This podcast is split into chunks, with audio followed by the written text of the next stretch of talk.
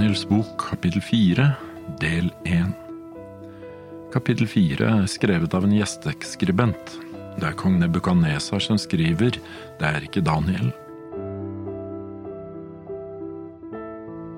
Innledningen til kongen er ganske enkelt hans konklusjon på det han vil fortelle om. Gud hadde arbeidet med kong Nebukadnesar over lang tid. Jeg tror det er viktig for oss å tenke litt over den situasjonen som kongen befinner seg i. Kongen er ikke sint på Gud for hva Gud har latt ham gå igjennom. Tvert imot, han lovpriser Gud for hans måte å håndtere ham på. Han er forundret over hva Gud har gjort for han. Gud har ikke tvunget Nebukadnesar i kne, han har fordi han visste at Nebukadnesar innest ønsket seg et kjennskap til ham, åpenbart seg for ham, og vist kongen noe om hans egen egoisme og behov for Gud, og Guds plan lykkes, noe vi kan se av kongens respons.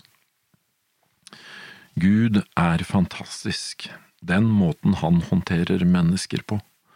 Han tvinger ingen, men når det er nødvendig, så trekker han på himmelens ressurser, og han går ikke av veien for å gi mennesker en slik opplevelse som kongen fikk, eller litt torden på Sinai-fjellet, eller et overnaturlig lys, slik han gjorde da han åpenbarte seg for Saul på veien til Damaskus, eller Jonah, da, da han rømte fra sitt oppdrag i Ninive.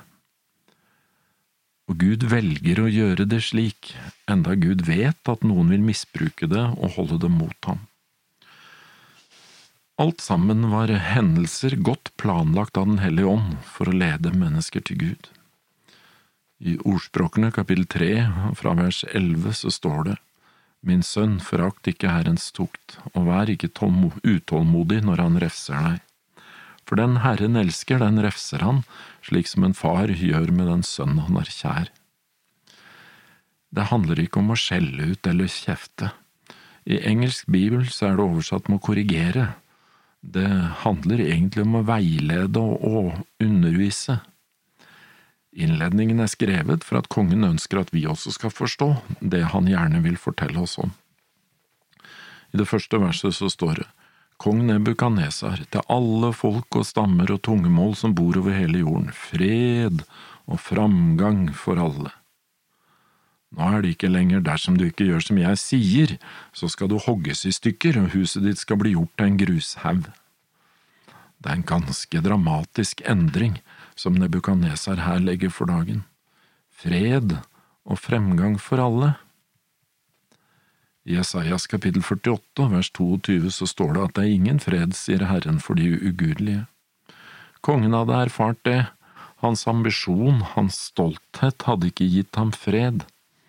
Det er ikke noe dans på roser å være enehersker.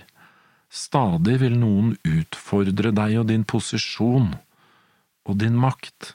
Det gjør at de er stadig mistenksomme, og de har ingen fred. Men nå, nå har kongen fått fred, og han ønsker at alle andre også skal få det. Det handler ikke om fravær av fysisk krig, for den virkelige fred i Bibelen handler om forsoningen med Gud. Jesus sier min fred gir jeg dere, ikke den som verden gir. Så lenge stoltheten herjer, har vi ingen fred. Det vil alltid være noen vi føler står i veien for oss, noen som må bort for at jeg skal komme fram. Tanken på å ta sine motstandere og gjøre dem til intet, det beviser at mennesket ikke er drevet av Guds ånd. Jesus ba for sine motstandere, han.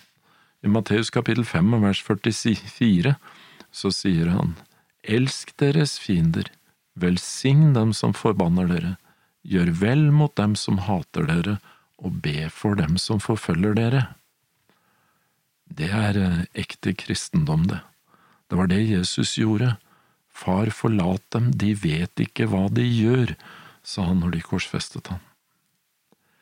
Jeg er sikker på at Daniel har bedt for kongen også. I vers to så leser vi Jeg har funnet for godt å kunngjøre de tegn og under som den høyeste Gud har gjort for meg. Hvor store er hans tegn, hvor mektige hans under. Hans rike er et evig rike, og hans herredømme varer fra slekt til slekt. Jeg, Nebukadnesar, levde i ro i mitt hus, jeg var frisk og vel til mote i mitt slott. Da hadde jeg en drøm som gjorde meg redd. Mine tanker på mitt leie og synene i mitt indre skremte meg. Store, sterke konger og diktatorer kan også bli redd. Når din makt ligger i at du er sterkest, vil det hele tiden være redd for at noen plutselig er sterkere enn deg. Det er derfor diktatorer ofte er så mistenksomme og paranoide. Når makten tas fra dem, ja, da er de bare vanlige mennesker. Jeg sendte da et eh, påbud om at alle Babylons vise menn skulle føres fram for meg for at de skulle la meg få vite hvordan drømmen skulle tydes. Har vi hørt noe om det før? Gammel vane er vond å vende. Og de kommer. Da kom spåmennene, står det i verset, åndemanerne, kalderene og tegntyderne inn, og jeg fortalte dem eh, drømmen, men de kunne ikke si meg hvordan den skulle tydes. Vi kan jo undres litt over det hele. Vi husker dem jo fra kapittel to. Det var de som hentet sin kunnskap ifra det okkulte, men enda kongen nå forteller dem drømmen, så kunne de altså ikke tyde den. I vers åtte så står det til sist kom Daniel inntil meg, han som kalles Belsasar etter navnet på min Gud, i ham er den hellige Guds ånd, og jeg fortalte ham drømmen. Spåmennene sa i kapittel én at gudene ikke hadde sin bolig blant menneskene. Kongen erkjenner nå at i Daniel er den hellige Guds ånd. Så overbevist er kongen blitt om det at han gjentar det i vers ni.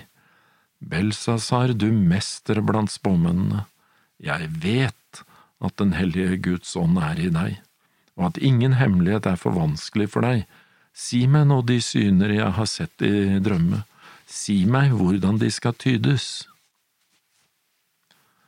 Dette skjer ca 600 år før pinsefestens dag, hvor disiplene ble fylt av Den hellige ånd. Men Den hellige ånd kom ikke for første gang på pinsedagen, den har alltid vært der og virket på mennesker.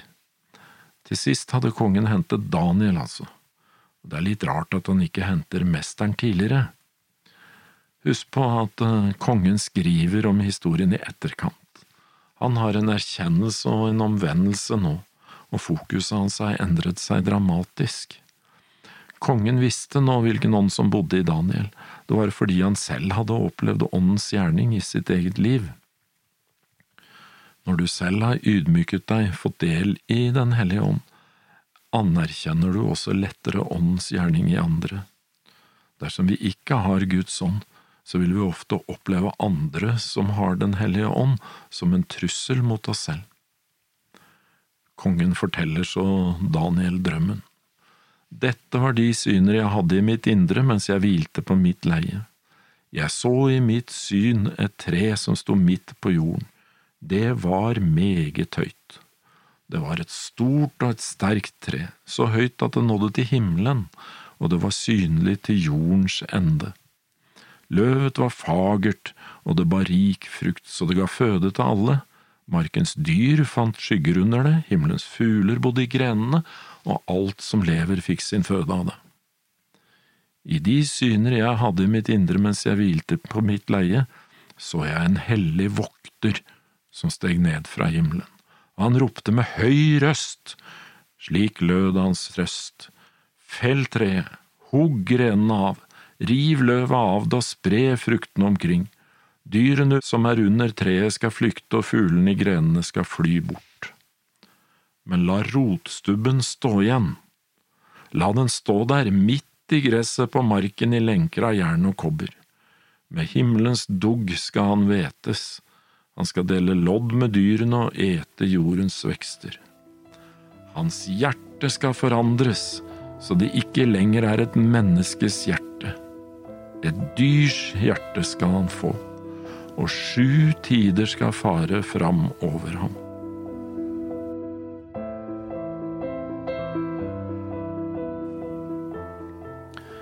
Så hva er det denne hellige vokteren virkelig ønsker å formidle? Neste gang så skal vi se litt mer på det.